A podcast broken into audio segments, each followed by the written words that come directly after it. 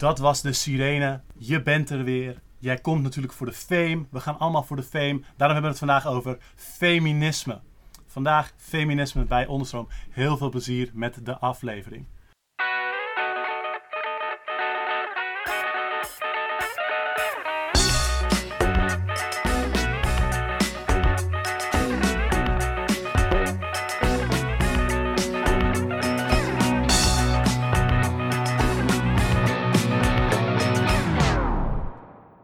Oké, dus daar zijn we. Ehm, een nieuwe aflevering van Onderstroom. En het is eindelijk die tijd om een heel belangrijk groot thema direct bij de horens eh, te vatten. We hebben het al eerder langs horen komen, eh, bijvoorbeeld in de aflevering over, eh, over kapitalisme, natuurlijk over abortus, ehm, over toxische mannelijkheid en andere thema's, omdat het op heel veel dingen van toepassing is. En het was eigenlijk vanaf het begin mijn intentie om dit thema ook in meerdere afleveringen neer te zetten. En vandaag is het dan zo, vandaag is het zover. Ik kan me nauwelijks inhouden. Ik ben super enthousiast om het te hebben over feminisme. Feminisme. En dit wordt dus de eerste aflevering van een reeks uh, specifiek over feminisme. En vandaag zit ik hier samen met vriend van de podcast, toegewijde activist en feminist Noah. Hallo. Hallo, dankjewel voor de uitnodiging. Superleuk dat je er bent. Ja, met mij gaat hij goed. Wat en fijn. Uh, ik heb er zin in. Uitstekend. Ja, ik ben heel blij dat je, dat je de, de tijd wil nemen om, om dit met mij op te nemen. Um, hoe ben jij zelf bij, bij feminisme terechtgekomen? Ja, hoe ik zelf bij feminisme terecht ben gekomen is eigenlijk het begin van mijn activistische carrière geweest, om het zo maar te zeggen. Ik denk dat ik nu ja, meer dan tien jaar actief ben. Maar ik ben er ooit ingerold via een vriend die naar een groepje mensen ging in Utrecht. Die over feministische en queer dingen gingen praten. Um, zo ben ik er dus ingerold ooit. Um, en nu zit ik hier. Oké, ja. Ik ken je als iemand die altijd veel met dit thema bezig is geweest. En ook vanuit verschillende invalshoeken. Of die feminisme en, en, uh, en ook een, een queer perspectief in allerlei andere projecten meeneemt. En soort van zorgt dat dat ook een, een rol daarin heeft.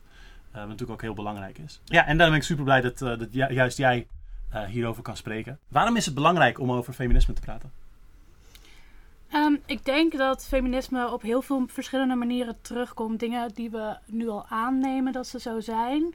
Maar waar vroeger wel voor gestreden is, hard voor is gestreden.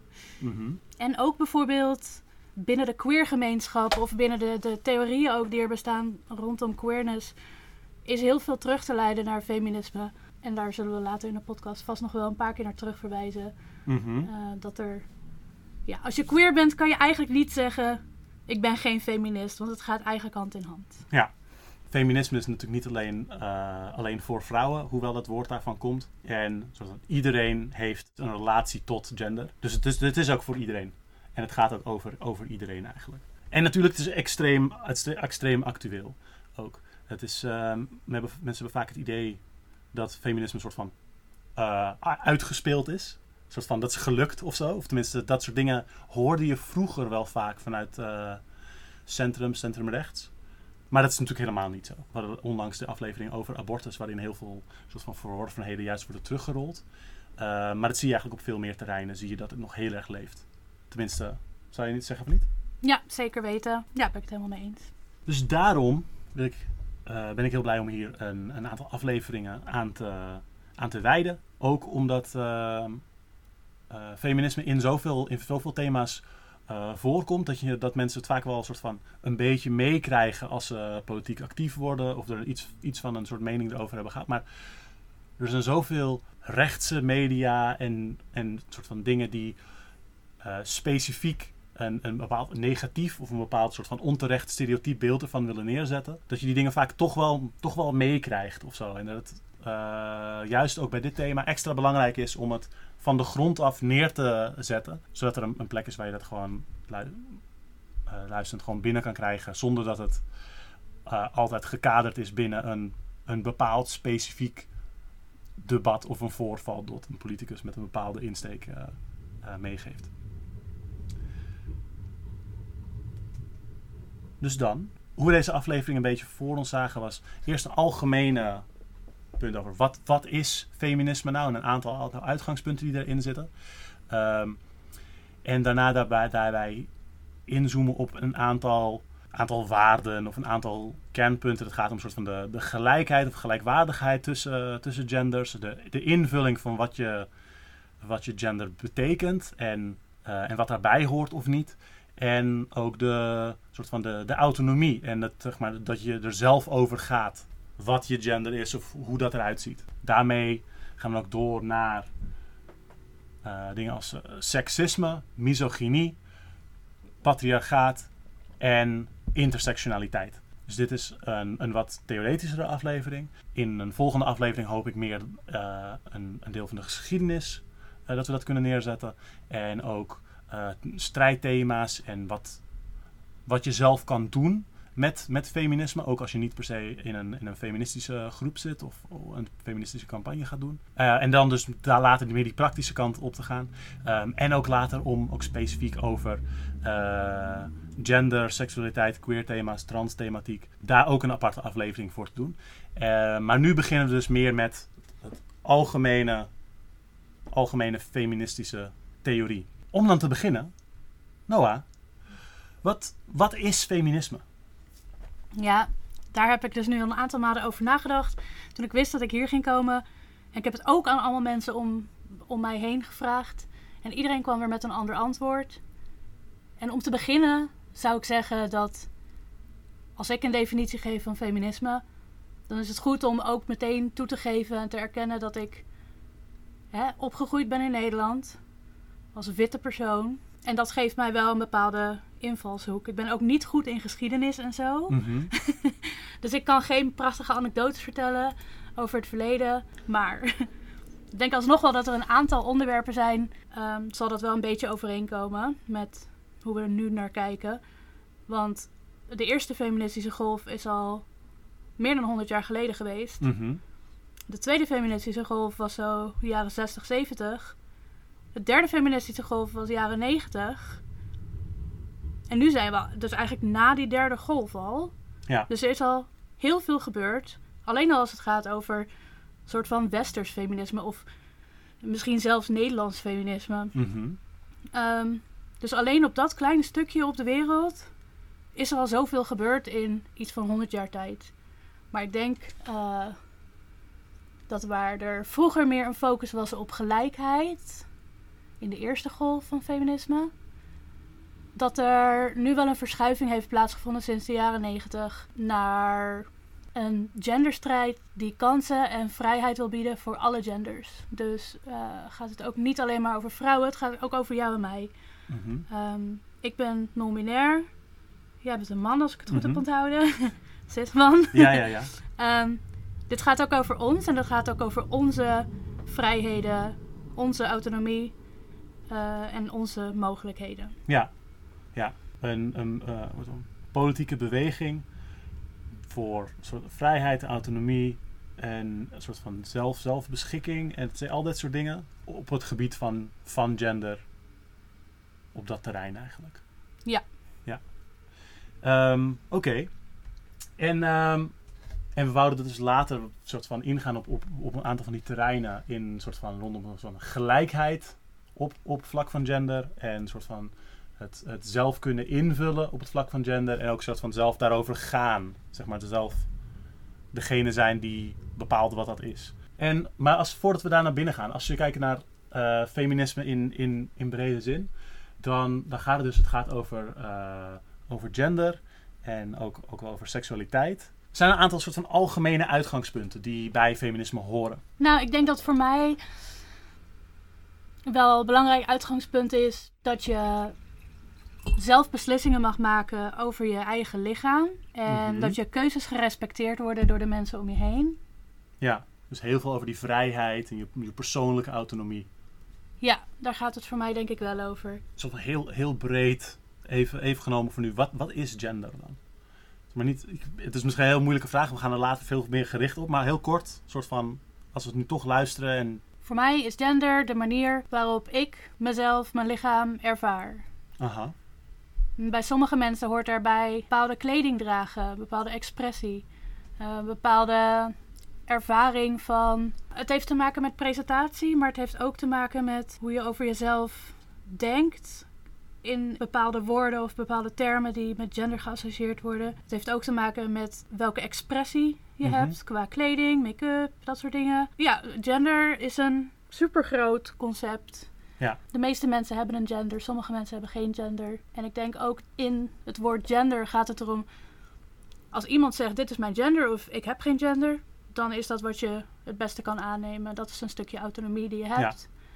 En dat zit in de basis, denk ik, ook in feminisme. Ja, ja. En dus bijvoorbeeld als ik kijk voor, voor mezelf. Ik ben, een, ik ben een man en toen ik geboren werd zeiden mensen tegen mij. Jij bent een man, jij bent een jongetje. En voor mij is dat soort van niet, niet problematisch geweest. Stukken van de invulling zijn moeilijk, maar over het algemeen voel ik me daar goed bij. Of, en dus ben ik een cis-man. Want Ja. mensen hebben dat vanaf het begin tegen me gezegd en dat, is, eh, dat klopt voor mij. Ehm, en dus dat betekent, of ieder geval daarbij krijg ik dingen aangeleerd over. Ehm, en, en die voel ik ook dat bij mij horen van bepaalde manieren waarop ik me gedraag, waarop ik me beweeg, waarop ik spreek. Dingen die ik draag, dingen die ik graag wil doen, die ik bij me wil hebben. En dat, dat kan allerlei dingen omvatten. Ehm, en dat is, heel, dat is heel politiek en ook heel veranderlijk. En, en feminisme gaat ook soort van dus over die, die verhouding tussen, tussen genders, maar ook zeg maar je, de mate waarin je dat zelf kan invullen, de vrijheid die je daarin hebt. Ja. En gender is ook, heb ik gehoord, eh, sociaal geconstrueerd. Ja, klopt. Dus hè, ik leg net wel uit van die autonomie over je eigen lichaam en je eigen gender. Die telt als eerste. Maar het is ook wel goed om te benoemen dat er ook een sociaal construct bestaat. Waarbij mannen vaak bepaalde beroepen doen, bepaalde handelingen doen, bepaalde ruimte innemen. En waarbij vrouwen eh, andere beroepen doen of thuisblijven, andere handelingen doen en minder ruimte innemen. Dus het is een heel soort van. Je, je, er zijn allerlei dingen die soort van breder sociaal bij een gender geacht worden te horen. Of, Ja, en dat is ook niet iets wat pas de afgelopen jaren is ontstaan natuurlijk. Dat zit er al heel lang in. Dus dat is waarschijnlijk ook extreem lastig voor mensen om te veranderen. Een voorbeeldje.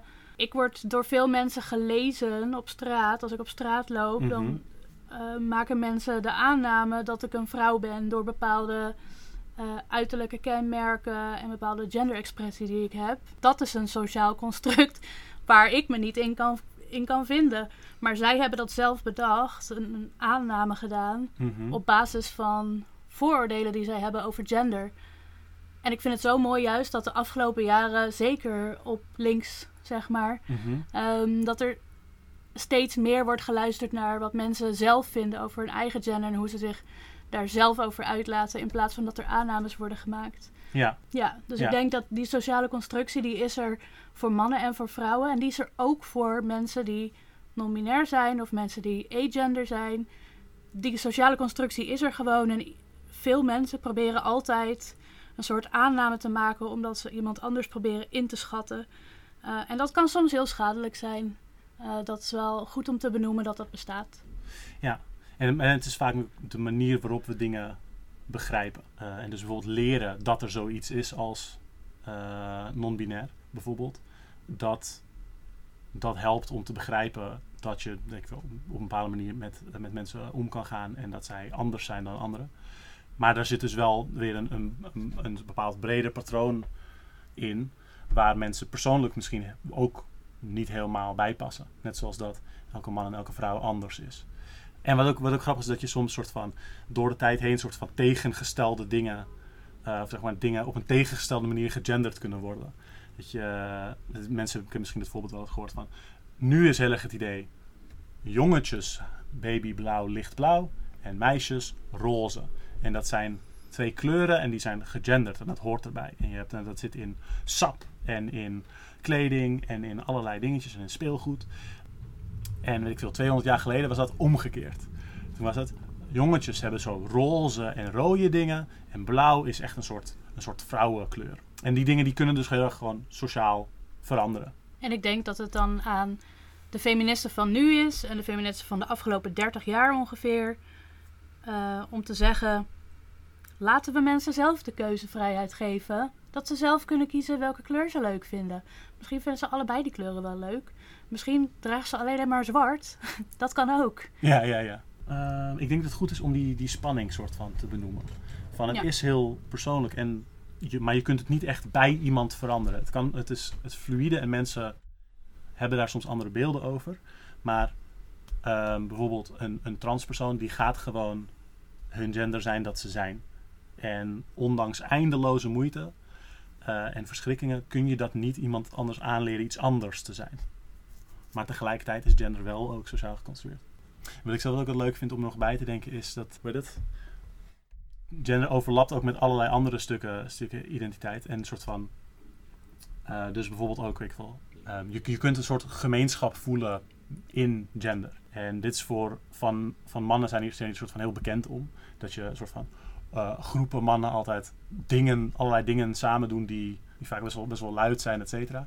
Eh, maar het is heel erg soort van dat ze samen het genderman aan het doen zijn met elkaar. Als een soort, als een soort gemeenschap. In, in zeg maar, sociale wetenschap is dat in de laatste, laatste decennia is er heel erg een, een soort van een, eh, een manier van kijken dat allerlei dingen die vroeger als een statisch ding werden gezien, tot werkwoorden worden gemaakt. Dus in plaats van heb je, wat is je gender? Heb je, je bent aan het genderen. En net als met religie. Je bent aan het geloven, je bent aan het religieën, je bent aan het nationing. Dat we die dingen soort van samen aan het maken zijn. En ook soort van dat, dat willen, willen uiten soms.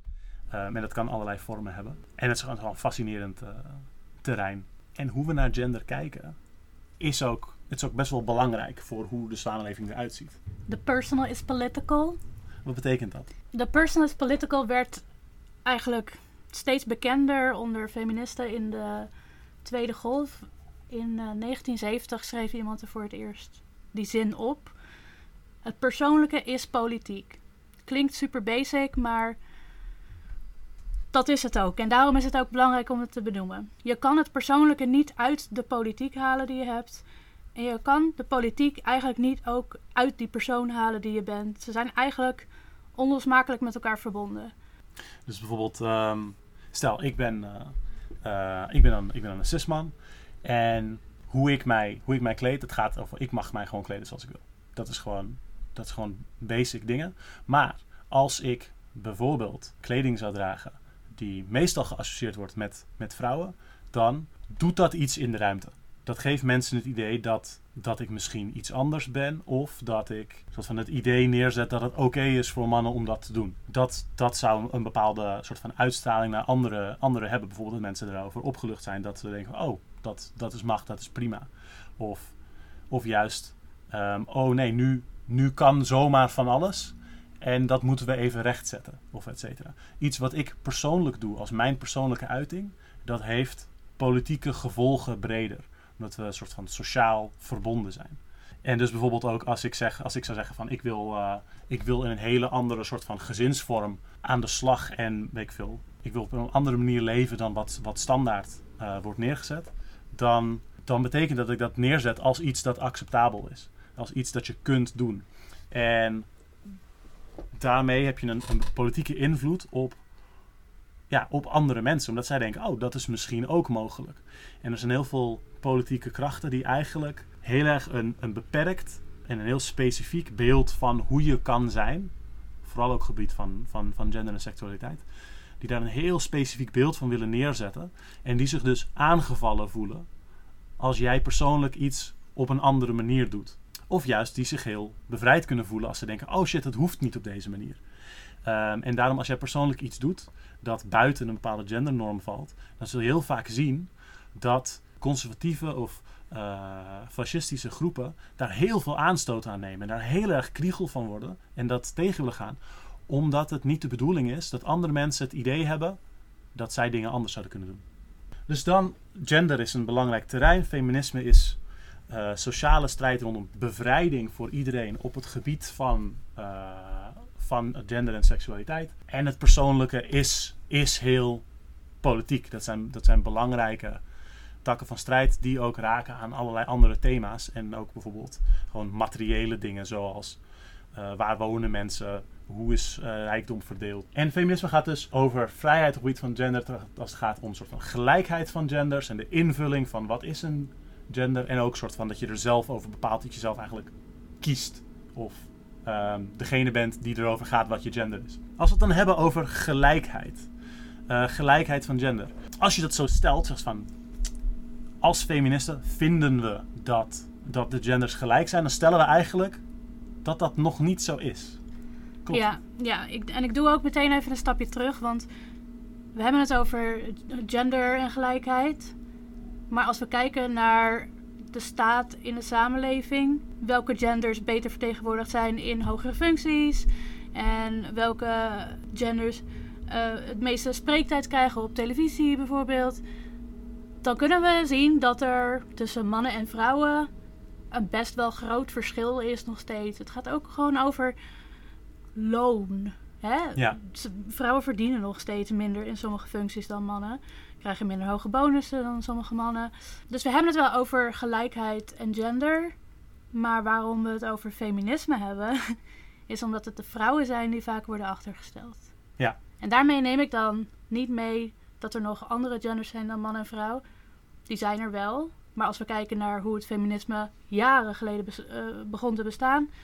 ehm, en wat het, het grootste verschil daarin is, is tussen mannen en vrouwen en de kansen die mannen en vrouwen krijgen. Dat is gewoon nog steeds niet gelijk. Die kansen zijn niet gelijk. Die mogelijkheden zijn niet gelijk. Mhm. En dat wilde ik nog even aan toevoegen. Ja, ja, ja. Ehm, zeg maar de, ho- hoewel het soort van een, een bredere strijd is, is de, de positie eh, van vrouwen nog steeds heel belangrijk. En dat is ook initieel waar deze beweging eh, de naam vandaan heeft. Ja. Ja. En die gelijkheid is er dus, is er dus inderdaad niet. Je noemde inderdaad loon. eh, je noemde een soort van hoeveel kan iemand spreken. Hoe, hoe zit dat met die, met die ongelijkheid eigenlijk van, van gender? Op wat voor vlakken zie je dat allemaal? Je ziet het op verschillende niveaus. Hè? Dus Ehm, dus als iemand zegt van, oh, de- maar deze persoon heeft gewoon weinig respect voor vrouwen, dan is dat iets, een eigenschap van die persoon en dat is iets persoonlijks. Maar het persoonlijk is politiek. Dat, e- dat een, een persoon dat zomaar denkt, dat, dat komt niet uit de lucht vallen. Dat is, dat is deel van een soort bredere eh, sociale structuur waaruit, waaruit die opvatting een product is. En niet, niet iedereen zal die op dezelfde manier hebben. Ja, en zo'n eh, situatie met dat er bijvoorbeeld iemand is die vrouwenvriendelijk is of duidelijk niet feminist is, maar wel nog steeds aandacht krijgt. Omdat het iemand is die heel veel doet voor de beweging en echt zich altijd keihard inzet en zoveel mensen kent en zoveel locaties kent om dingen te organiseren. Als dat vaker gebeurt, bijvoorbeeld binnen de beweging, dan zijn er rolpatronen aanwezig die super schadelijk zijn voor de beweging. Niet alleen voor vrouwen, maar voor iedereen die in de beweging zit. Mhm. Ja. Ehm.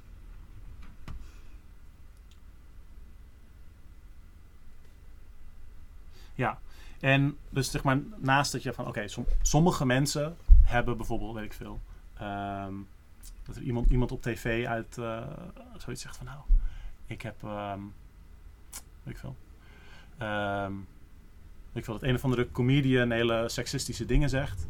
Dat is dan die iets persoonlijks van die comedian, maar dat, dat, dat zit verbonden aan een soort breder, breder sociaal ding.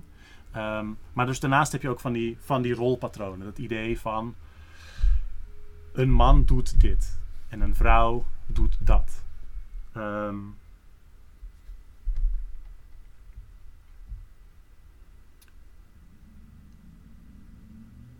en daarmee zit er een bepaalde invulling in. Ehm, maar die rolpatronen zijn ook niet gelijk aan elkaar. Toch? Ja, kijk, een eh, rolpatroon wat op zich wel een beetje awkward is, is bijvoorbeeld als je een actie aan het organiseren bent, alle no- notulen, en het uitwerken van de notulen, zorgtaken en kooktaken. Als dat allemaal gaat naar vrouwen, dan is dat best wel een herhaling. Of het, het maken van. Niet het maken van een rolpatroon, het is een herhaling van een rolpatroon dat in de jaren 40 bestond. Mhm. En als ik dat soms zie binnen activistische groepen, denk ik, waar zijn we mee bezig? Ja, ja, ja. ja. En in de bredere maatschappij, zeg maar, dat soort, dat soort rolpatronen. Zeg maar, het, het is altijd, als, het, als het om, eh, om eh, dingen rondom eh, bijvoorbeeld etniciteit of tussen haakjes ras gaat, dan is het, dan is het niet acceptabel om dingen te zeggen als soort van separate but equal, omdat je dan meteen terugdenkt aan een soort slavernij in de Verenigde Staten. Maar conservatieven hoor je wel eens zeggen van, nou mannen en vrouwen zijn gewoon anders en zij hebben gewoon hun eigen rol. Daarin soort van voorstellen dat die gelijkwaardig zouden zijn. Maar dat, dat, is, dat is in heel veel opzichten niet zo, toch? Nee, dat is niet zo. En ook, kijk, volgens mij noemde, noemden we net al dat het ook gaat om de keuze.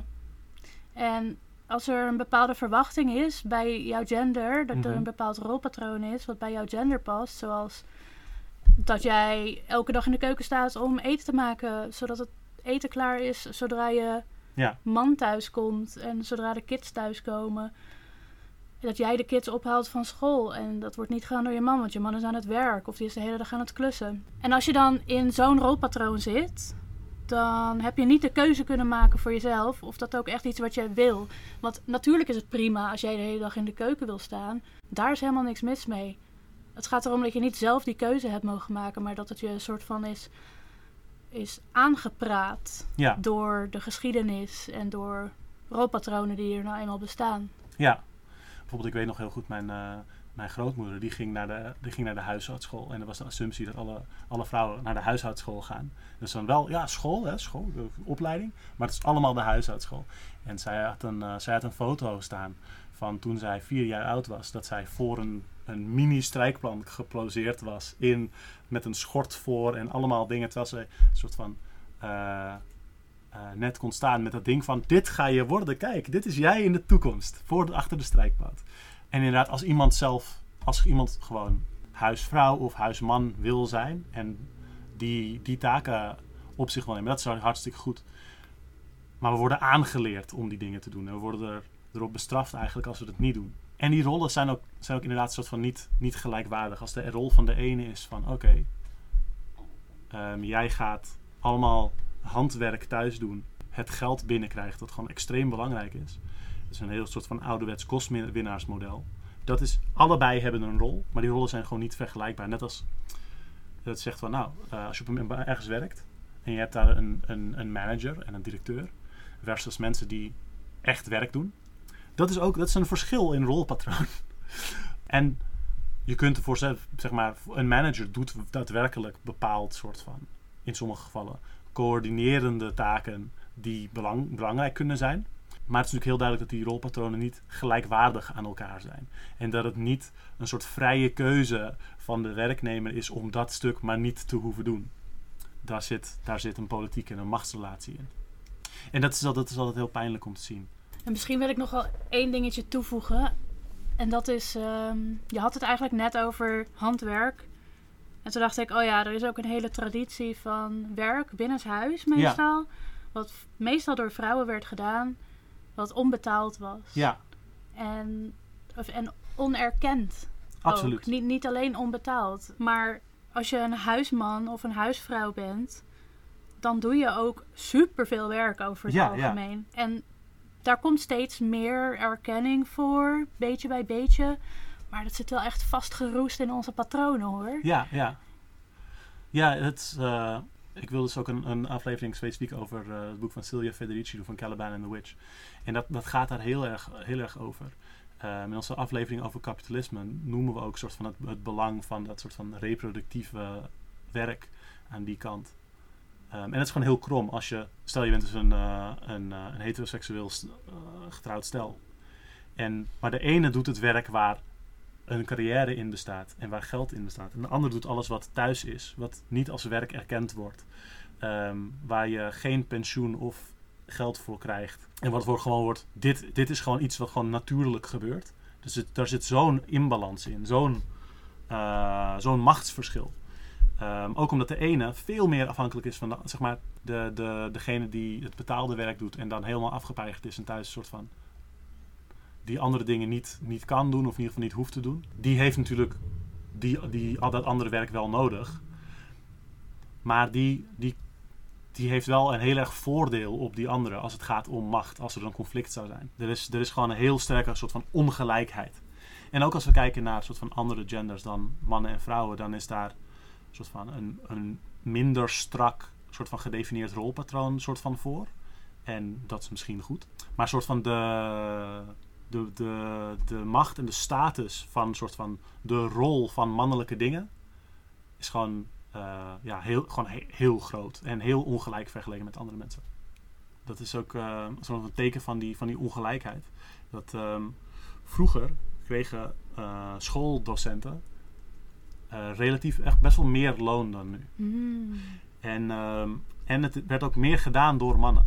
En wat je vaak, vaak ziet met beroepen, is dat wanneer het beroep naderhand meer door vrouwen werd gedaan, dat ook de status en het aanzien en het loon daalde voor die beroepsgroep. En dat er dus ook wel een soort van arbeidsconflicten zijn geweest waarin eh, bijvoorbeeld allerlei eh, middeleeuwse gildes tot latere professies vrouwen buitensluiten om de status van het beroep hoger te kunnen houden. Wat compleet fucked up natuurlijk is. Eh, ook een voor- voorbeeld van hoe soort van eh, mannen heel vaak in dit soort strijd helemaal veel te weinig solidair zijn met, met vrouwen en daarin ook soort van dus moeilijker is om samen te organiseren en samen een vuist te maken. Oké, dus als het dan gaat over een soort van eh, ongelijkheid tussen, tussen verschillende genders, ehm, dan komen we ook al snel bij een begrip als, eh, als seksisme.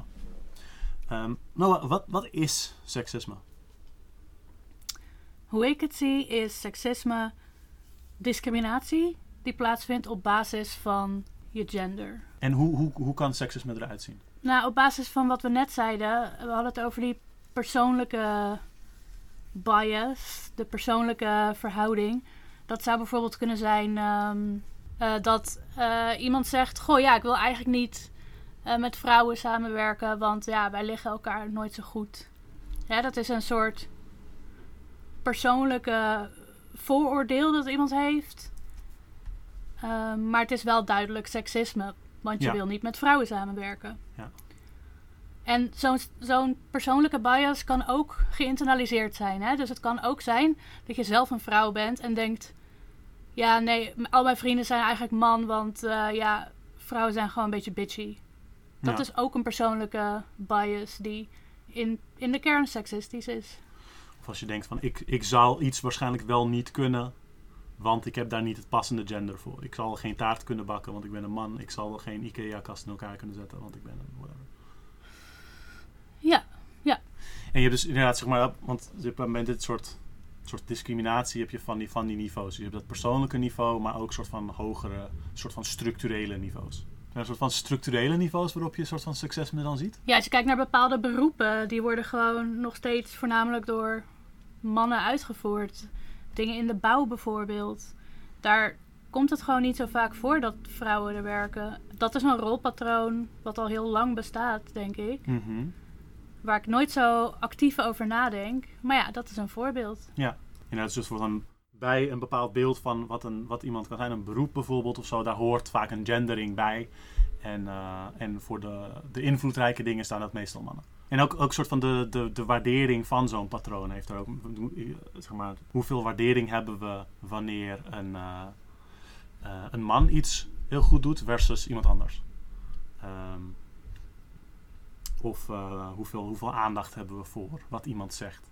En als het dan echt gaat om een soort van sociale structuren waar seksisme in zit. Bestaan die nog? Is er, bestaat er zoiets? Zeg maar, wat zijn historisch grote soort van dingen die, we, die, die bestaan qua structureel seksisme? Eh, ja, er bestaat nog steeds een eh, verschil tussen hoeveel loon mensen verdienen. Mhm. Ja, ja, ja. En daar, dan zie je gewoon heel groot een heel, heel duidelijk verschil. Het? Ehm, als je kijkt naar zeg maar, hoe, hoe loon ook groeit bij mensen die werken, zie je dat soort van. De assumptie is van je kunt constant door blijven werken. En dan kan je loon groeien. Maar als, je een, als er een aantal onderbrekingen in zitten, dan haalt dat heel erg je loonontwikkeling onderuit. En laat het nou toevallig zo zijn dat mensen die, eh, die kinderen kunnen krijgen, bijvoorbeeld niet cis-mannen over het algemeen, ehm, dat die dat soort onderbrekingen vaker hebben. En dat het dus soort van acceptabel wordt gevonden dat dat loon voor hun achterblijft. En dat zij dus eeuwig achterlopen. Heel, heel lang was het soort van niet mogelijk voor vrouwen om een eigen bankrekening uh, aan te vragen zonder dat er toestemming van een man bij was. Uh, van een, uh, een, vader of een echtgenoot of whatever. Plaatsen waar vrouwen niet mogen autorijden, waar, je, waar alleen mannen allerlei dingen mogen. En veel, veel van dat soort dingen zijn, lijken in Nederland niet op zo'n soort van harde manier meer uitgesloten. En krijg je wat subtielere dingen, zoals dus inderdaad dat loon. Maar er staat, er staat nergens per se dat er een, een mannen- en een vrouwenloonschaal is. Dat die apart uit elkaar liggen. Maar de lonen liggen door zeg maar, de assumptie van wat voor soort leven je als werknemer dient te hebben. Die gebaseerd is op het leven van een man. Zie je daardoor gewoon structurele verschillen. Uh, die soort van bijna zo'n soort toevallige uitkomst uh, lijken van hoe dingen zijn opgesteld. Ja, ik denk wel dat Nederland echt een winnaar is als het gaat om schijngelijkheid. Ja. Het lijkt allemaal in het verleden. Hè, maar homo's kunnen met elkaar trouwen al meer dan twintig jaar. Oh, maar uh, vrouwen kunnen ook nu uh, het in het leger en um, mannen kunnen ook thuiswerken.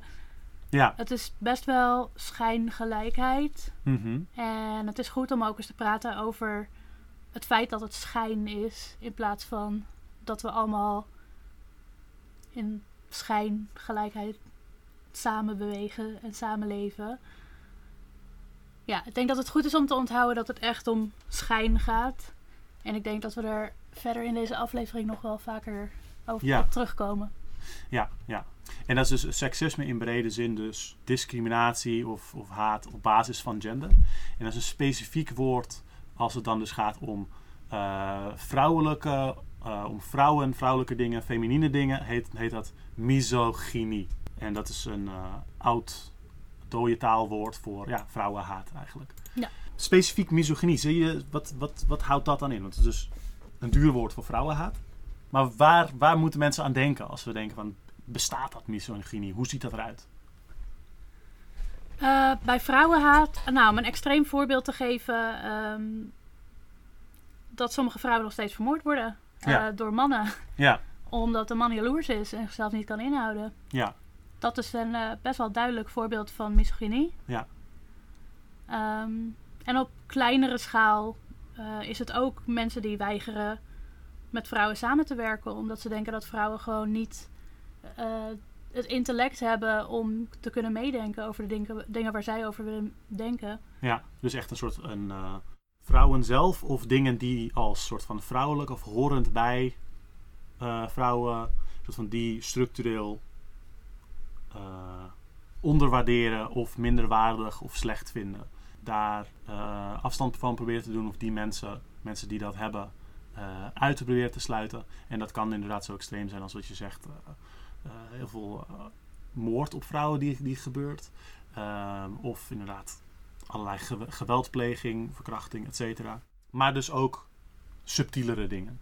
Zijn er bepaalde eh, typische dingen die je, die je, kan, die je kan tegenkomen in, weet ik veel, in de media of in alledaagse gesprekken die op misogynie duiden? Ja, ik denk dat als je op YouTube kijkt naar extreemrechtse, conservatieve, alt-right-achtige content creators, dat je daarin waarschijnlijk een lijstje kan vinden van Ja. dingen die misogynie zijn. Ja, heel compleet disrespectvol praten over vrouwen. Of het volledig seksualiseren van een vrouw en verder geen andere karaktereigenschappen toewijzen. Ja, Hè, mensen die actief elkaar oproepen om niet meer met vrouwen om te gaan en geen eh, partners meer te hebben in vrouwen en Ja. geen eh, seks meer te hebben met vrouwen. Ge- gewoon op, op, op maar basis niet vanwege van- hun seksualiteit, maar gewoon Ja. omdat ze gewoon vrouwen slecht omdat ze vinden. vrouwen haten. Ja. Ja. Het, het internet is een gekke wereld. Eh, maar dit zijn ook dingen die in het li- live gebeuren, inderdaad. En dat, dat is ook een soort van. me- mensen worden dat. wordt niet zo heel veel soort van over, over eh, gepraat, breed, breder gezien. Maar als je kijkt naar heel veel van die. die fucking eh, school shootings in de Verenigde Staten of zo. Dat zijn heel vaak zijn dat eh, jonge mannen die vooral, vooral jonge vrouwen neerschieten. En die vaak hele epistels hebben over hoe, hoe ze, weet ik veel, aandacht van vrouwen en of, of seks verdienen en hen dat geweigerd is en dat ze daarom allemaal die verschrikkelijke geweldplegingen doen. Er wordt heel erg gedaan alsof dat soort van losse incidenten zijn en hoewel het, weet ik veel, elke maand een aantal keer gebeurt dat het soort van geen, geen rode draad in zit, maar heel vaak is er wel een rode draad van, van misogynie en uh, toxische masculiniteit en extreem pijnlijke uh, tendensen die die uh, jonge mensen vaak ook gewoon ja, meekrijgen van, van andere bronnen.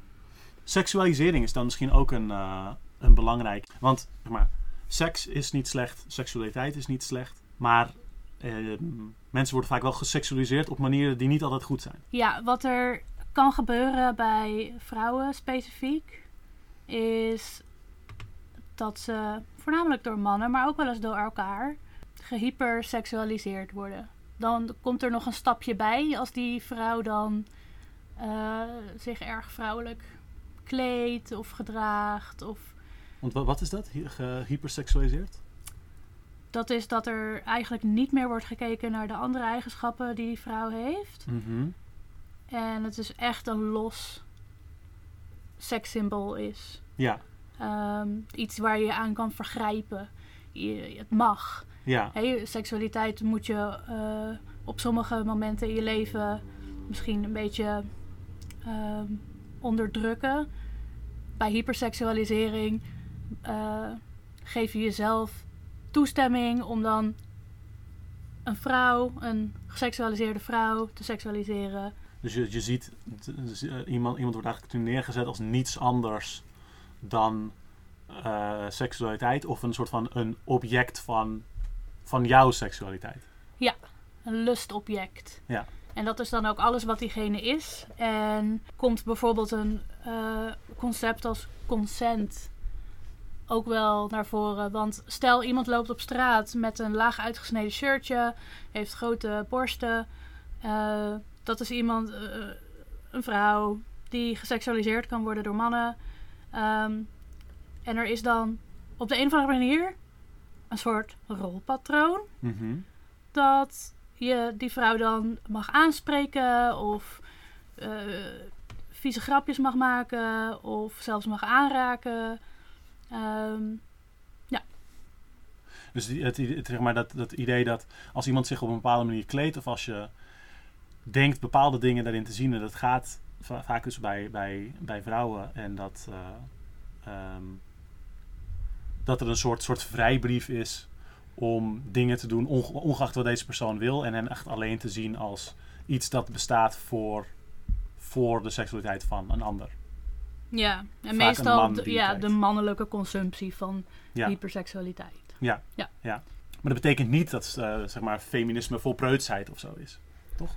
Nee, hier komt het weer terug bij die autonomie, denk ik. Mm -hmm. Tuurlijk, je kan ervoor kiezen om je te kleden zoals ik net beschreef, met een laag uitgesneden shirtje, een heel kort rokje. Je kan er ook voor kiezen om dat uh, niet te doen. Dat maakt niet uit. Nee. Dat is niet het probleem. Het probleem ligt in de hyperseksualisering. Dus een soort, um, ja. Dus er, is heel, heel vaak, tenminste, ik, ik, ik, ik hoor dat wel eens dat er dan, als je, als je over dit soort dingen praat, dat er zo'n dat er een soort, soort verwarring is van, ah, feministen die willen dat alles altijd om seks gaat, maar feministen willen ook dat, uh, dat vrouwen geen bikinis mogen dragen in, in bladen of zo, of wat, wat is het nou? En dat, dat lijkt soort van, dat is allebei is dat, zijn dat misvattingen, maar ze lijken ook heel tegenstrijdig, maar dat is omdat, zeg maar, je bent voor soort van seksuele bevrijding en tegen schaamte daaromheen. En dat dingen met seksualiteit, vrouwelijke seksualiteit, die zijn niet slecht. En mensen hebben de vrijheid om daar te doen wat ze willen en de autonomie en ze bepalen dat zelf. En, en er bestaat dat idee dat vrouwelijke seksualiteit niet goed is. Of dat dat iemand maakt tot een, tot een object en dat vrouwen daartegen beschermd zouden moeten worden. En in die zin is feminisme een soort van voor, voor seksuele bevrijding. Maar dat betekent niet dat je voor uh, de soort van seksualisering van vrouwen bent. Vooral als het uh, gepaard gaat met ja, misbruik, hyperseksualisering, uh, objectivisering van vrouwen. Um, en daar, daar, zit, daar zit soort van in, in debat een soort spanning tussen.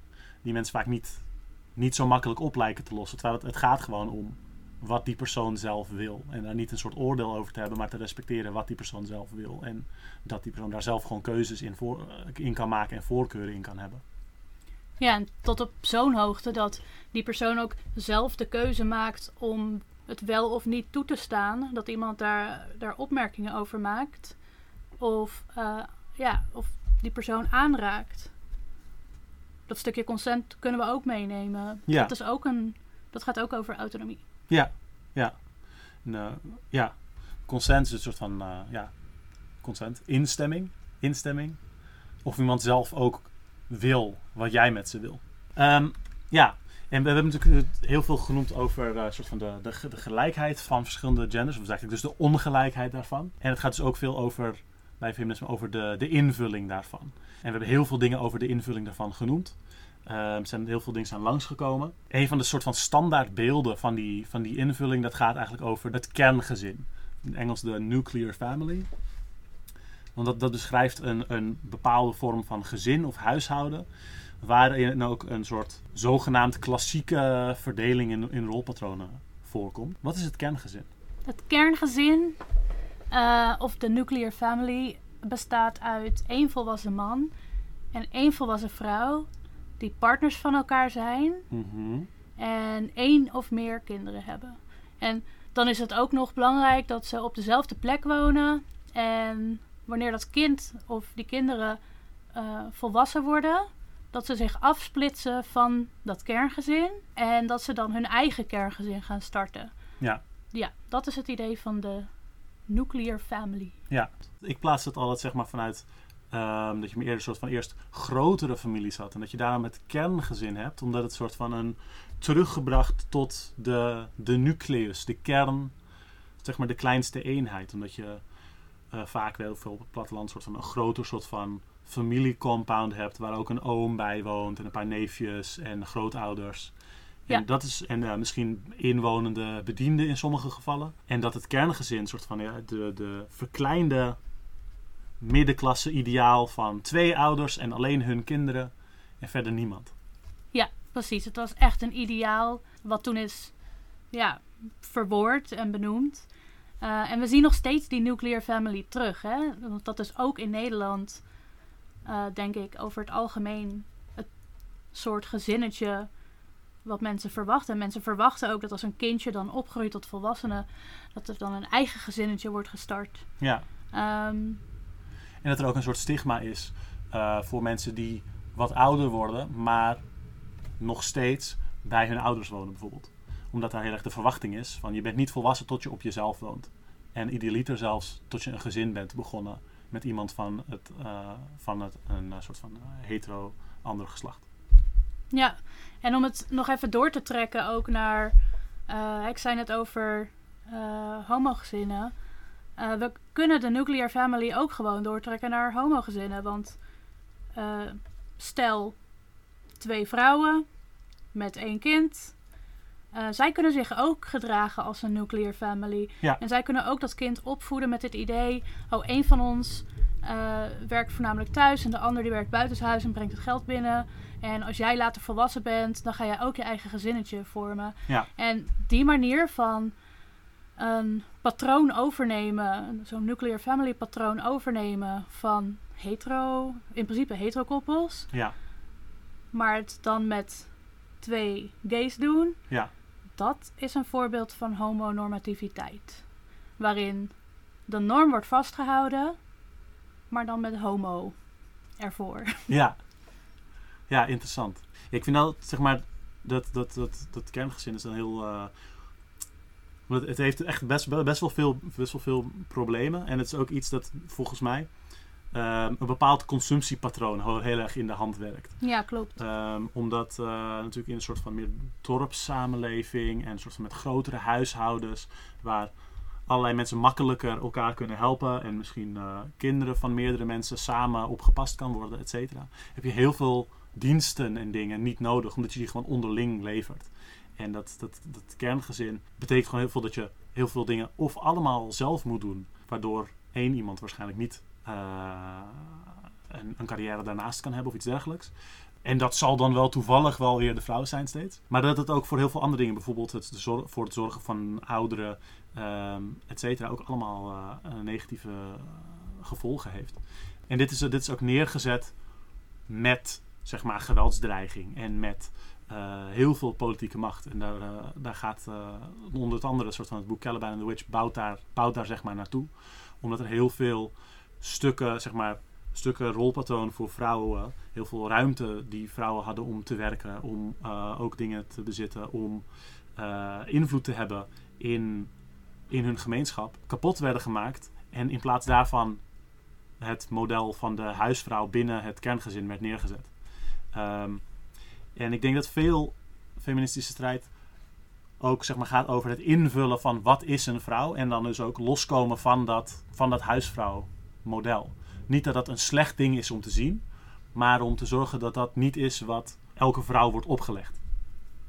Ja, dat je de keus hebt. En ik denk ook dat feminisme best wel heeft gekeken naar de rol van de vader of van de man Mhm. in dat kerngezin. En dat vervolgens ook doortrekt naar de rol van de leraar, Mhm. de rol van de baas en de rol van de regering. Die manieren van autoriteit, ook al zijn het verschillende lagen, Ja, hebben wel overeenkomsten. Die samenstelling heeft overeenkomsten. oké, maar wat moeten we daar dan mee? Met die ongelijkheid en seksisme.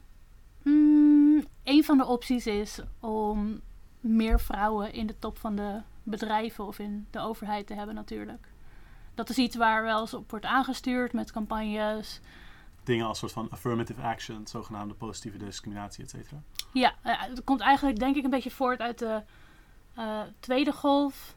Waarbij feministen heel hard hebben gewerkt om bepaalde dingen toegankelijk te maken voor vrouwen. Zoals eh, het zijn van een baas in een groot bedrijf. Of politicus zijn. Dus het idee van vrouwen kunnen dit ook. En dat laten we zien doordat er een vrouw daar kan zitten. Ja, dus dan maken ze een quota, een vrouwenquota bijvoorbeeld, quotum. Ehm, en dan gaan ze vanaf dat punt proberen meer vrouwen in de top te krijgen. En dan is het, is het idee, als ik het goed begrijp, zodat je dat, dat rolpatroon doorbreekt en kunt zien van, oh, vrouwelijke artsen, vrouwelijke advocaten, vrouwelijke wat dan ook, is gewoon normaal. Dat kun je zien. Vrouwen kunnen leren dat dit normaal is en zij krijgen de kans om dat te doen. En, en, en dat je dus een bepaald eh, soort van een, een aanmoediging neerzet, zodat dat verschil met der tijd minder of opgeheven kan worden. Is Ja. een beetje de, het idee als het goed is. Ja, en dan in verschillende lagen in de samenleving. Eh, maar ook ja, op topniveau. De, ook een beetje het girlboss idee is dat. Van kijk, vrouwen kunnen dit ook. Ja, Vrouwen kunnen ook girlboss zijn. Ehm, wat vind je daarvan? nou, kijk, het onderliggende probleem is voor ons het feit dat er bedrijven en een overheid bestaan waarin bepaalde mensen heel veel macht krijgen Mhm. en andere mensen een nihile invloed die vervolgens eh, alle uitvoering moeten doen. Ja. Dus er zijn een aantal mensen die veel autoriteit hebben. En als je die mensen met autoriteit gaat vervangen, als je mannen met autoriteit gaat vervangen door vrouwen met autoriteit, dan adresseer je eigenlijk niet het onderliggende probleem van het feit dat die bedrijven en overheidstoppen bestaan. Ehm, dus ik denk dat onze beweging, en ik, ook, willen liever toewerken naar een wereld zonder bazen Mhm. en zonder Tweede Kamer, of daar nou mannen of vrouwen in zitten, ehm, dat is eigenlijk een beetje een ander punt. Dus het adresseert niet onze issue. Nee, Ehm, nee, nee. En ook zeg maar, dat, dat, zeg maar je, je kunt snappen dat idee van je wil zichtbare voorbeelden neerzetten waardoor dat rolpatroon zeg maar breder kan worden. Ja, dat je gewoon eh, heel duidelijk hebt van vrouwen, dit is een figuur waar je naar zou luisteren. Het is ook een vrouw, dus zeg maar dat je bepaalde van die dingen daarmee denkt op te kunnen heffen. Maar voor heel veel vrouwen maakt het gewoon uiteindelijk niet uit dat er een vrouwelijke premier is.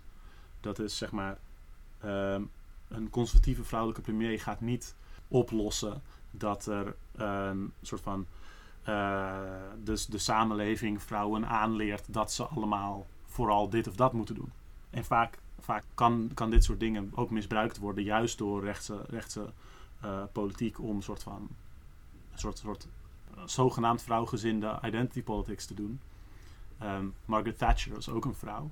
Eh, de VVD heeft nu ook een, een vrouwelijke lijsttrekker. Maar dat zijn, dat zijn gewoon geen winsten voor feminisme in die zin. Ja, daar ben ik het mee eens. En ehm, ja, kijk, je kan, je kan er alsnog voor kiezen om je energie te stoppen in meer vrouwen in de Tweede Kamer. Ehm, of meer vrouwen in bijvoorbeeld de gemeenteraad. Mhm. Of in je lokale wijkbestuur of zo. Ja, Kijk, zeker op lokaal niveau kan je wel zoiets als een vrouwenquotum gebruiken. Want je kan er wel iets verschil mee maken. Maar het is goed om in je achterhoofd te houden dat je daarmee niet het onderliggende probleem oplost of daar iets aan verandert. mhm.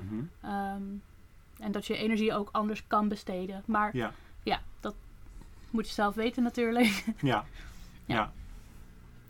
En eh, er is ook een verschil tussen van een, een quotum kan een manier zijn om soort van hard te maken dat er, weet ik veel, mensen uit een, van een bepaalde groep ergens een positie moeten krijgen onder de streep uiteindelijk. En, maar er zijn ook andere manieren om mensen aan te moedigen die nu meestal niet worden aangemoedigd. En dat zit ook in bijvoorbeeld, weet ik veel, hoe we mensen opvoeden. Wat je, hoe we omgaan met, eh, met zoons, dochters en andere kinderen. Ehm, en soms kan een quotum daar misschien een, een nuttige, nuttige rol in hebben. Maar het is denk ik ook lastig als je, als je feminisme op die manier soort van verbindt aan de, gewoon de, de huidige heersende systeem. Dat dat ook niet eh, eh, goed is voor de beweging. Ja, en zo heb je wel meer voorbeelden hoor. Ehm, die heel erg inspelen op die gelijkheid. Die in de tweede feministische golf een grote rol speelde. Maar die voor ons op dit moment nu eh, niet per se een interessant verschil maken. Zo in 2020 ehm, is er besloten dat vrouwen ook dienstplicht hebben in Nederland. Ja, Dat is een poging tot gelijkheid tussen mannen en vrouwen. ja, En het wordt dus door sommige mensen ook als een feministische verandering gezien. ja. Want vrouwen hebben dan eindelijk een gelijke situatie met mannen. mhm. Ehm, maar ja, mijn oren gaan dan een beetje klapperen natuurlijk. Want, Ja, want dat, hè, het leger is voor mij geen feminisme. nee. Ehm, ja, net als, weet ik veel, loonsverhoging bij de politie of dat vrouwen bij de politie gelijk betaald krijgen. I don't fucking care. Voor mij is dat geen feminisme, want het instituut waarbij je werkt is niet feministisch. Maar het is wel meer gelijkheid, dat klopt. Ja, ja precies. Ehm, en dat, dat is ook een soort van, ja, als, je, als er niet een soort van brede systeemkritiek naast zit, dan kun je inderdaad dit soort, vreemde dingen krijgen. Ja, maar eh, de politie en het leger eh, en de IND, die varen ook gewoon nog mee in de Pride, hè? Ja, ja. Het zijn echt- natuurlijk echt gewoon-. Onze grote voorbeelden. Ja, echt verschrikkelijk. Ehm, want dat zijn dingen waar, eh, waar we heel duidelijk een, aantal kritieken op hebben. Maar er zijn veel meer eigenlijk in brede zin natuurlijk voor dingen die mensen die soort van eh, die gelijkheid tussen genders, de vrijheid om de gender zelf in te vullen en ook de, de, eh, de autonomie van zelf bepalen, zelf erover gaan wat je bent en hoe dat eruit ziet. Ehm, en dat veel soort van veel grondiger, veel grondiger neerzetten natuurlijk. Misschien ben ik dan geen voorstander van eh, vrouwenquota's en een nuclear family. Maar ik denk dat voor mij op nummer 1 staat ehm, autonomie. Ja. Over mijn lichaam, de dingen die ik zeg, de dingen die ik doe, de plekken waar ik naartoe ga. Dat is mijn keus. En eigenlijk mag iedereen gewoon verder zijn bek houden. ja, Ja, Ja. dat is denk ik voor mij een van de belangrijkste dingen. En als je het dan over feminisme hebt, vooral ehm, met, eh, stel, stel je komt online mannen tegen, ehm, maar ook wel breder, dan is, er, eh, dan is het eh, een term die als tegenkomt, is patriarchaat. Patriarchaat. Wat zou jij zeggen dat patriarchaat is, Noah? heb je daar niet een hele aflevering over? Ja, maar ik vind het ook leuk als jij het zegt. Oké. Ik denk voor mij in de kern is patriarchaat structuur Die gaat van het persoonlijke naar heel groot, wereldwijd. Een structuur van bepaalde verwachtingen en gedragingen van mannen. Dus een, een, een, een, een, een structuur van gedragingen van mannen. En hoe, hoe ziet het eruit? Hoe moeten mannen zich gedragen? Ja, Of, wat, of hoe gedragen mannen zich? ja, als je echt kijkt naar dat binaire, dan zijn mannen zeg maar autoritair, stoer, uitgesproken, Ja, zichtbaar, ehm, rationeel, ja, wetenschappelijk. ja, ja. Precies, al, dit, al dat soort, soort stereotypen over Ja. dit hoort in de sfeer, man. Ja. Het is wel heel erg die soort van die eh, eh, Jordan Peterson eh, ideologie. Heel erg die. Eh, ehm, op het ene moment is het yin-yang en het is allebei gelijkwaardig en even belangrijk. En je hebt het, het mannelijke en het vrouwelijke. En het mannelijke is dan orde en dat is belangrijk en goed. En het vrouwelijke is dan chaos. En dat is ook belangrijk en goed. En dat is zogenaamd evenwijdig. Twee boeken later, eh 12 Rules for Life, een antidote for chaos. En, want patriarchaat, er zit, er zit iets in van, van een soort van dominantie. En een soort van als een eh, idee dat het een, een soort politiek systeem is. Of een, eh, een situatie waar soort van mannen domineren. Toch? Ja. Maar niet alle mannen zijn de baas over alles. Hoe, hoe zit dat? Zeg maar, sommige mannen hebben gewoon, zijn werkloos of hebben niet zo'n eh, hele hoge baan, niet zo heel veel te makken. Sommige mannen hebben honger, ehm et cetera. Ah, Wat is dan, wat is dan het, het patriarchaat gaat alsnog op volgens feminisme? Dat er, het feit dat er arme, zieke, eh suïcidale, et cetera mannen zijn, is niet een, een argument tegen dat we in patriarchaat leven. Hoe nee, zit dat? de mannen worden natuurlijk zelf ook keihard geraakt door het patriarchaat en door bepaalde verwachtingen die er zijn. Mhm. en bepaalde eisen die er zijn. Ja, ik denk dat soms dan in mijn hoofd wordt het wel echt zo man versus vrouw, maar eigenlijk zijn we gewoon allemaal screwed door het patriarchaat. Ja. Ja. Ja. Ja, in die, in die andere aflevering, we hebben het er inderdaad wel veel, veel over gehad. Het is een soort, er, er is een soort van idee dat je on- onder mannen heb je een soort piramide. En de mannen die vechten of concurreren met elkaar om naar de top van die piramide te komen. En alle anderen daarin zijn eigenlijk soort van objecten in hun spel. Dat is een beetje het idee. Daarom heb je, heb je dat citaat soort van... In het spel van patriarchaat zijn eh, vrouwen niet de spelers. Vrouwen zijn slechts de bal. Hm. Ehm, en, en dus soort van mannen onderling hebben een, een soort eh, hiërarchie. En daarin staan dus meestal mannen aan de top, of overwegend vooral mannen aan de top. En vrouwen en anderen die zitten eigenlijk soort van in de onderlaag. En daar zitten ook wel misschien mannen. Ehm, maar, maar daar zijn ze ook een soort van niet gelijk. En een soort van. Er is een, er is een idee dat de meeste mannen alsnog of allemaal wel voordelen hebben op, op vrouwen en op andere genders. Maar dat er, maar dat er alsnog die, die piramide is met een aantal, meestal mannen aan de top. En het feit dat er ook soort van mannen van tussen lage rang zijn, betekent niet dat die piramide er niet is. Nog dat het een piramide van mannen voor mannen is. En dat, dat, dat, zeg maar, dat, dat kun je zien in heel veel dingen qua bijvoorbeeld ja, allerlei juri- juridische kwesties worden uitgevochten. Of eh, ehm, hoe er wordt omgegaan met geweld tegen mannen versus geweld tegen vrouwen. Ehm, en andere, andere terreinen. We hebben loondiscrepantie al genoemd. Maar dus ook dingen als eh, hoeveel we naar mensen luisteren. Ehm, praat jij wel eens met mensen over patriarchaat? Nee, dat is ook een beetje een aanname die ik heb, denk ik.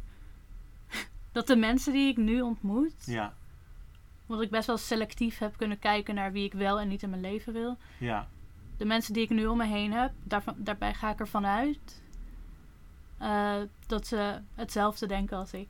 ja, Maar het is eigenlijk wel een goeie om daar wat vaker over te praten. Actief. ja. Ja, want ik, ik heb wel eens, ehm, dat je, je hebt heel vaak ehm dit soort heel flauwe dingen van, als het zo gelijk is, waarom praten we dan zo verschillend over verschillende genders? Hmm. Of ehm, als het zo voor gelijkheid is, waarom heet het dan feminisme? Of waarom hebben we het dan niet over toxische femininiteit, bijvoorbeeld, maar wel over toxische masculiniteit? En dat zijn hele flauwe dingen, omdat soort van de hele veronderstelling is dat die dingen niet gelijk zijn, omdat er verschil is, omdat er hiërarchie is waar we vanaf willen. Ehm, ja. Ja. het klinkt echt van die afleidende dingen die alt-right mensen erin kunnen gooien. Ja, Ja. ja. ja. maar tegelijkertijd het is wel, het is wel een soort een standaard vraag die. Zeg maar, het, het, het probleem is niet dat die vraag wordt gesteld, maar het probleem is dat, er, dat die alt-right mensen er zoveel over zeggen en dat zo krom neerzetten dat ze doen alsof er helemaal niet een antwoord op is. Terwijl er heel voor de hand liggende antwoorden op zijn. We, we- zeg maar, toxische femininiteit is niet per se een term volgens mij die veel wordt gebruikt.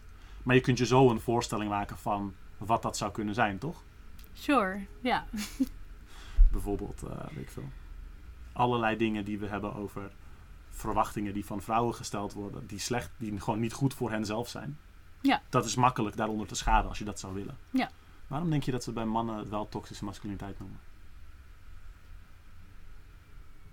Niet alleen bij mannen trouwens, maar Is het een groter probleem misschien? Is dat, is dat waarom het een naam heeft? ik weet de geschiedenis er niet van. Ik, ik denk dat er zo gewoon meer geweld bij, bij gepaard gaat en zo. Ja.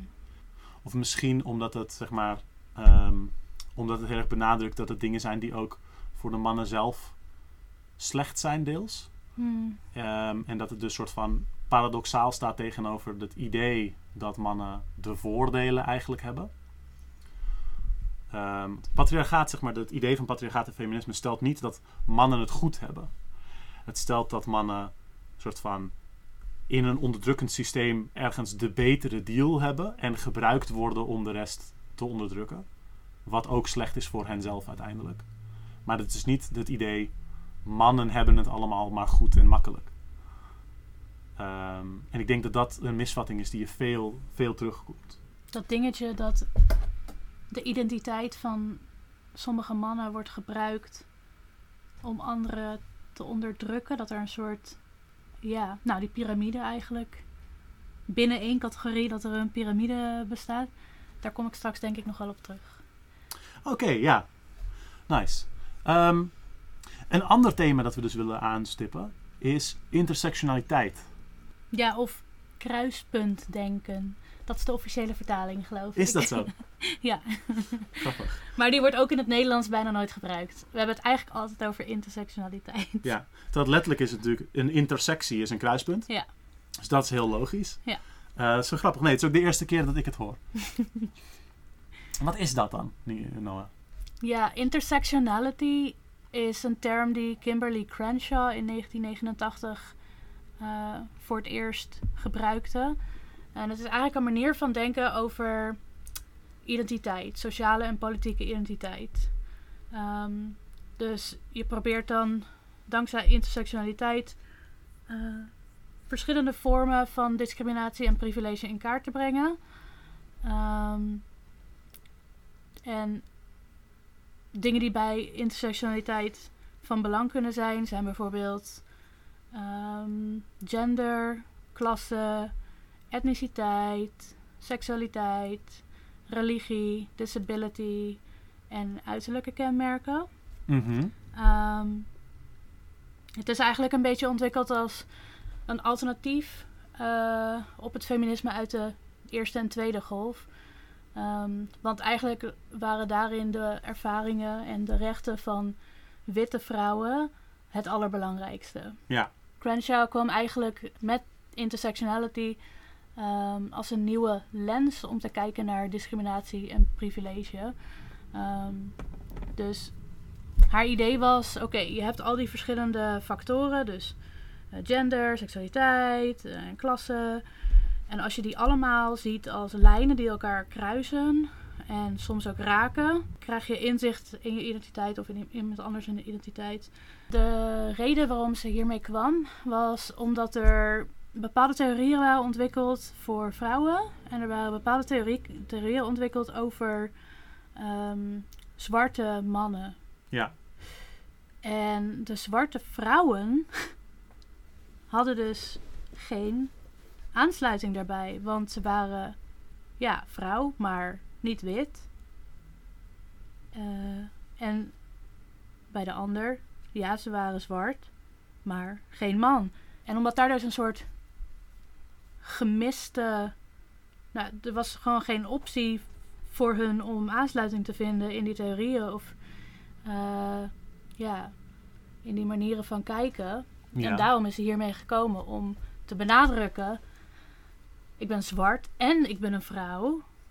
En dat is belangrijk. Dat heeft invloed op wie ik ben en hoe mensen mij zien. En hoe ik me beweeg in de wereld.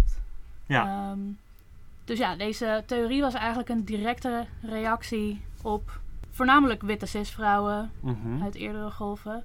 Ja, het is zo, zo cru om zo na te denken, omdat natuurlijk, ehm, zeg maar, een, standaard ding, zeg maar, wat, wat in, in feminisme ook veel voorkomt, is dat als je niet weet wat iemands gender is, dan ga je er meestal vanuit dat iets een man zal zijn. En daar zit een beetje in dat soort van, eh, ergens cultureel dat, dat beeld zo hebben dat man een soort van de norm is. En als iemand dan iets anders is, eh, non-binair of een vrouw, dat dat, dat, dat een soort, soort extra dingetje is.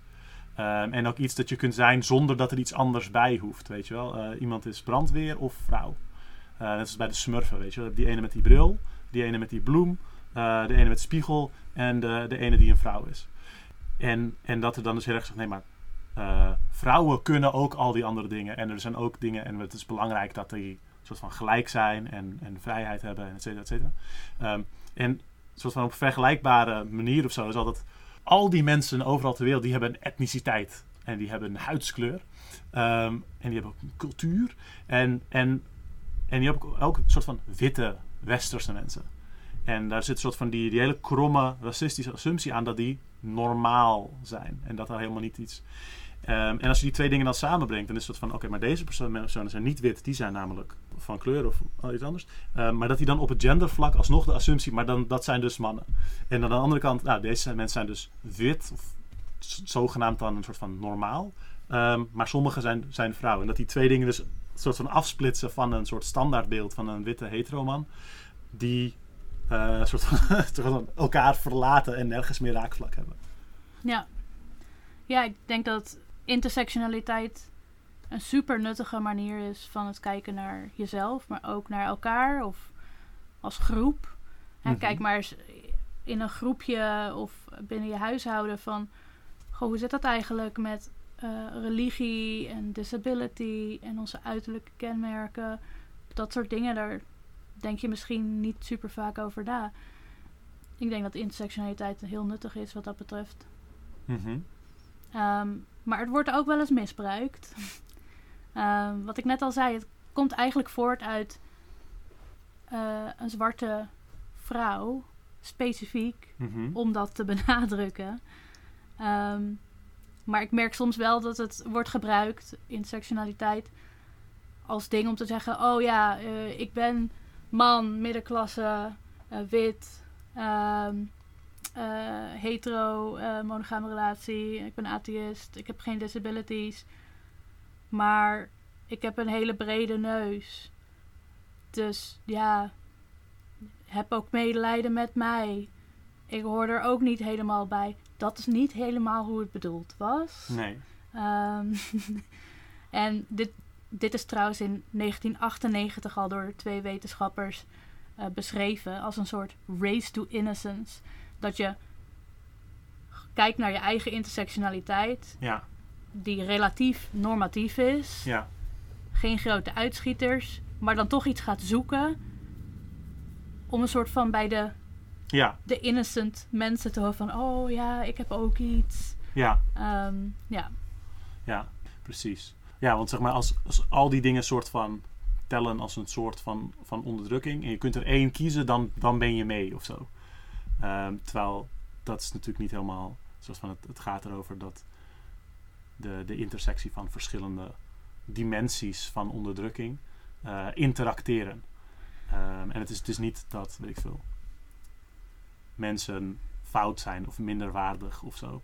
Dus, ehm, maar dat, ja, Ja, klopt. En misschien is dit ook wel ehm, waar ik aan dacht met die piramide die je net noemde. Er zijn mensen met heel veel verschillende intersections. Er zijn mensen die relatief normatief zijn qua intersections. Ja. Maar daar er zit niet per se een hiërarchie in, als in dat de ene beter is of zieliger dan de ander. Ook binnen disability studies heb je daar gewoon een heel discours over. Mhm. Dat is Oppression Olympics. Oh ja, wat is dat? Ehm, nou, dat betekent eigenlijk gewoon... we gaan niet met elkaar vergelijken wie het het zwaarst heeft... of wie het allerzieligst is... of wie het meeste medelijden en Mhm. gebeden nodig heeft. Nee, je hebt een issue, oké, dan ga je daarmee aan de slag. Of je maakt het kenbaar. Of Dus je, dat, zeg maar, de term Oppression Olympus is, is als je dat wel doet. Als je een soort van je punten gaat opsparen. ja, als je van- gaat zeggen, oh, ik had vorige week eh 10 minuten wat hoofdpijn. Ik heb migraines. ehm, ik ben heel erg zielig en ik moet in het middelpunt van de aandacht staan. En als het over disabilities gaat, dan ga ik daar heel veel ruimte in innemen, want dat is mijn recht. Bijna alsof je een soort, soort puntentelling bijhoudt over op, alle, op wat voor vlakken je allemaal een soort van nadeel hebt. Ja. Ehm, Ja. Iets anders dat mij soms dan opvalt bij intersectionaliteit is dat ook... ehm, het wordt best wel hip gevonden om daarover te praten en verschillende dimensies daarin mee te nemen. Vooral in een soort van eh, liberale, moderne bedrijfscultuur en zo. Ehm, maar ook wel, ook wel breder. Maar dat dingen als klasse, kapitalisme en eh, economische ongelijkheid daar heel snel worden weggemoffeld. En dat, dat het mensen het heel erg in een soort van alleen, alleen cultureel en persoonlijke identiteit ruimte willen, willen stuwen. Herken je dat ook? Ja, zeker. Eh, en ook dat het soms. eh, ja.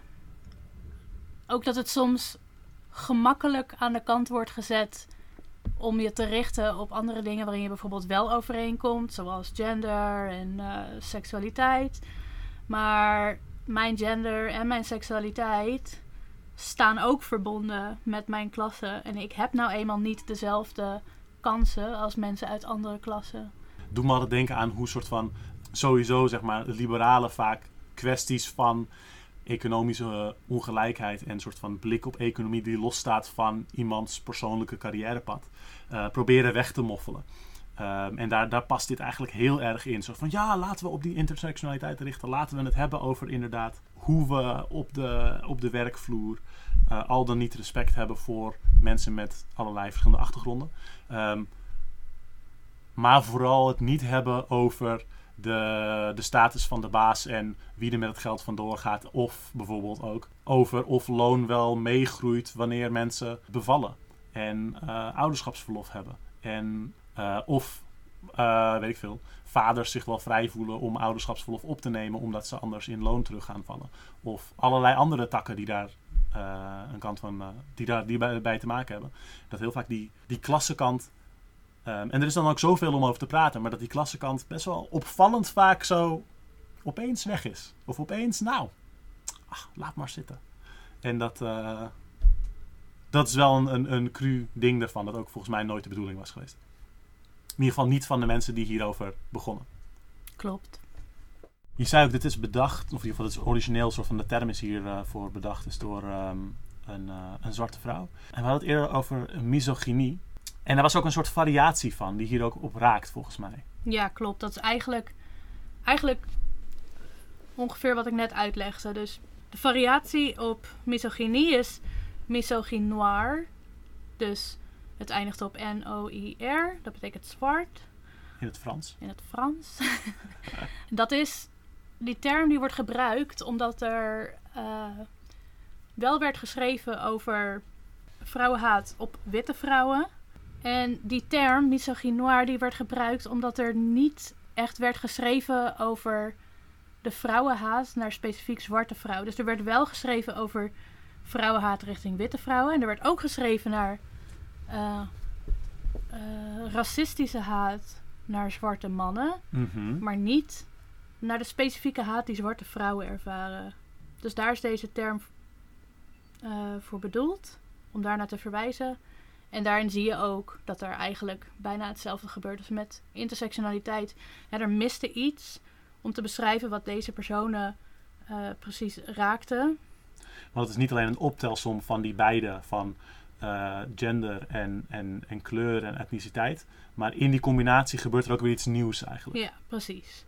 Ja, dus eh, eigenlijk intersectionaliteit en misogynoir zijn twee termen specifiek eh, gemaakt voor zwarte vrouwen om hun ervaring te kunnen verwoorden.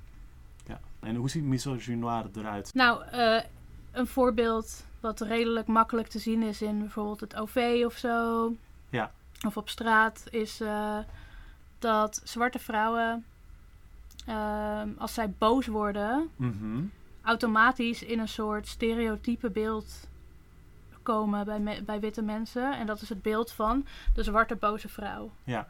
Die is irrationeel, daar kan je niet meer mee praten. Dit is aanvallend Ja. meteen. Dat is iets wat je op een klein niveau, gewoon bij jezelf in je eigen omgeving, kun je dat nog best wel snel zien. Of je ziet het niet. En dat kan betekenen dat die zwarte vrouw daar eh, hun best voor doet. Om het niet te tonen. Omdat zwarte vrouwen zich er ook van bewust zijn dat die stereotypes bestaan. Ja. Ehm, dus bij eh, bijvoorbeeld Sylvana Simons is dat heel duidelijk in de, in de Tweede Kamer. Dat die gewoon op een hele soort van reguliere toon praat. Net als, net als jij en ik doen. Ehm, maar heel vaak, heel snel wordt weggezet als iemand die tirades zou houden. Of onredelijk wordt gevonden. Of heel, heel boos. Terwijl hij gewoon heel gedragen eh, betogen houdt. Ehm, en het, het gaat wel over thema's die, eh, die haar, ja, haar aangaan, die haar raken. En er zit, er zit wel een soort eh, inflectie in en een soort, soort emotie. Maar het is, het is helemaal niet een soort, een soort razernij wat je hoort. Het zijn heel gedragen betogen altijd. Maar op een manier die nooit, zeg maar, wat ehm, nooit over Mark Rutte zou worden gezegd, wordt bij haar altijd soort van gedaan alsof, ze, alsof zij een of andere soort van woedende tornado is die door die ruimte gaat of zo.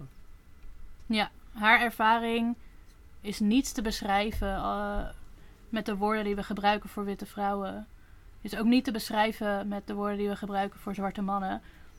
Maar hij heeft echt een eigen plek. Het, het is gewoon echt anders. Het is gewoon echt anders. En er is, er is voor, eh, voor witte vrouwen is er ook wel een ding van, oh, die zijn emotioneel, die zijn zogenaamd, wordt gezegd, ze zijn minder rationeel, et cetera.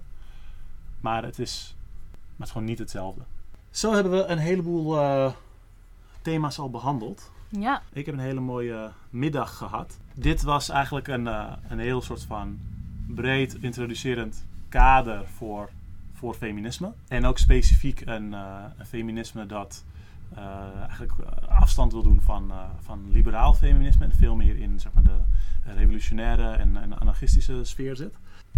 Ik zie jou heel graag nog een keer terug om het eh, meer te hebben over eh, ja, andere, andere takken van het feminisme, om dit verder uit te breiden. Over, eh, over gender en seksualiteit.